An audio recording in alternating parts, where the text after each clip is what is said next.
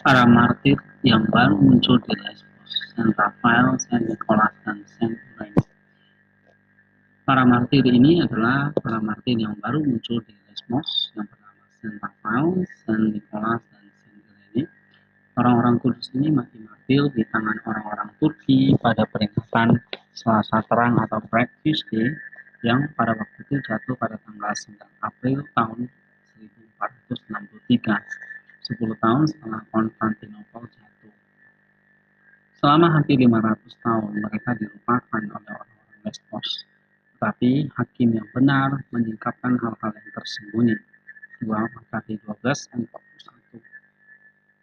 Selama berabad-abad penduduk Lesbos pada hari Selasa terang mengunjungi reruntuhan biara dekat Terni, sebuah desa di barat laut ibu kota Mitilene. Namun seiring berjalannya waktu, tidak ada yang bisa mengingat alasan ziarah tahunan tersebut. Ada ingatan samar-samar bahwa pernah ada biara di tempat itu, dan di sana para biarawan telah dibunuh oleh orang-orang Turki. Tapi pada tahun 1959, seorang lelaki yang saleh bernama Angelos Ramis memutuskan untuk membangun kapel di dekat Tuhan biara itu. Pada tanggal 3 Juli tahun 1959, para pekerja menemukan relik Saint Raphael saat membersihkan tanah atau Tuhan di dekat biara itu. Segera orang-orang kudus itu mulai menampakkan diri kepada penduduk Lesbos dan menyingkapkan secara detail kehidupan dan kematian mereka. Lalu ini menjadi catatan dari buku Photius Contoglu tahun 1962 yang berjudul Eclipse Sign.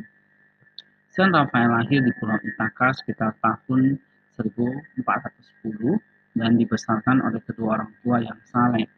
Nama baptisnya adalah George, tetapi dia dinamai Raphael ketika dia menjadi seorang biarawan atau rahib. Dia ditabiskan pada imamat suci dan kemudian mencapai jabatan archimandrit dan menjadi kepala biara. Pada tahun 1453, Saint Raphael tinggal di Makedonia dengan sesama biarawan, yaitu Nicholas yang berasal dari Tesalonika.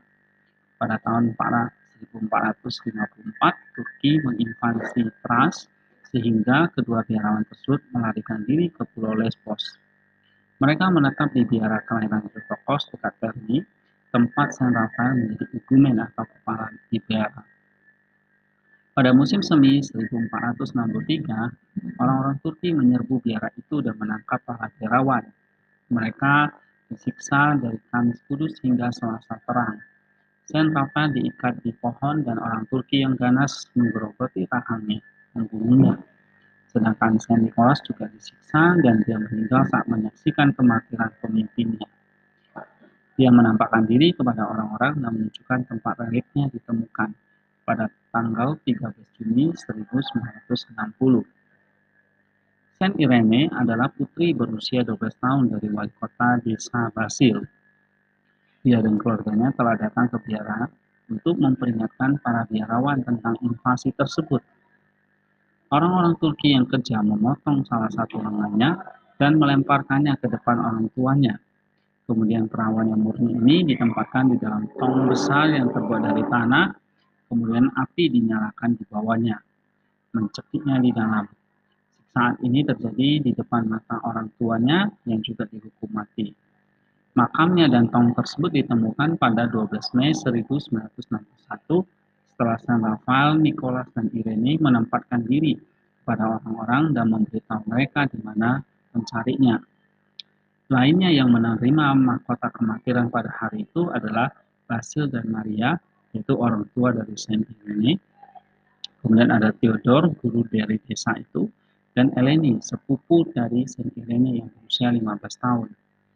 Orang-orang kudus menampakkan diri secara terpisah dan bersama-sama, memberitahu orang-orang bahwa mereka ingin diingat. Mereka meminta agar ikon mereka dilukis, agar liturgi gereja disusun untuk mereka, dan mereka menunjukkan tempat di mana layak suci mereka ditemukan. Berdasarkan deskripsi dari mereka yang telah melihat para martir ini, ikonografer utama dan Photius Contoglu melukis ikon mereka. Pastor Gerasimos dari Petersen NSKT di Gunung Athos menyusun kidung untuk mereka. Banyak keajaiban telah terjadi di Lesbos dan di seluruh dunia. Orang-orang kudus itu segera membantu mereka yang memanggil nama mereka, menyembuhkan yang sakit, menghiburkan yang, yang berduka, memberikan kelegaan dari rasa sakit, membawa banyak orang yang tidak percaya dan orang-orang yang tidak beriman kembali ke gereja. San Rafael bertubuh tinggi, setengah baya, dan memiliki janggut dengan panjang sedang rambutnya hitam dengan sedikit uban. Wajahnya megah, ekspresif, dan penuh dengan rahmat surgawi. Saint Nicholas pendek dan kurus dengan janggut pirang kecil. Dia berdiri di hadapan Saint Raphael dengan sangat hormat. Saint Irene biasanya tampil dengan gaun kuning panjang hingga ke kakinya. Rambut pirangnya dibagi menjadi dua kepang yang bertumpu di kedua sisi dadanya. Saint Raphael, Saint Nicholas, dan Saint Irene dan mereka yang bersama-sama mereka seperti Eleni, Theodore, Basil, dan Maria yang adalah orang tua Irene juga diperingati pada saat-saat perang. Konstantin Kavanos telah memberikan penjelasan rinci tentang kehidupan, mujizat, dan nasihat spiritual mereka di dalam bukunya yang berjudul Modern Orthodox Saints, volume yang ke-10. Nyanyian bagi mereka, misalnya dalam Troparion, dikatakan you strove in contest on Lesbos for the sake of Christ God, sanctifying her by the discovery of your relics, O blessed martyr. Therefore we honor you, God-fearer Raphael, together with Nicholas the deacon and Virgin Irene, as our divine protector and intercessors with the Lord. Let all us honor the Holy Martyr, who contended for Christ as our protectors and wonder whose relics were hidden beneath the earth for many years, and who have revealed themselves to us in wondrous ways. Raphael, Nicholas, and Irene, as well as those who contended with them as protectors and wonder workers. Amen.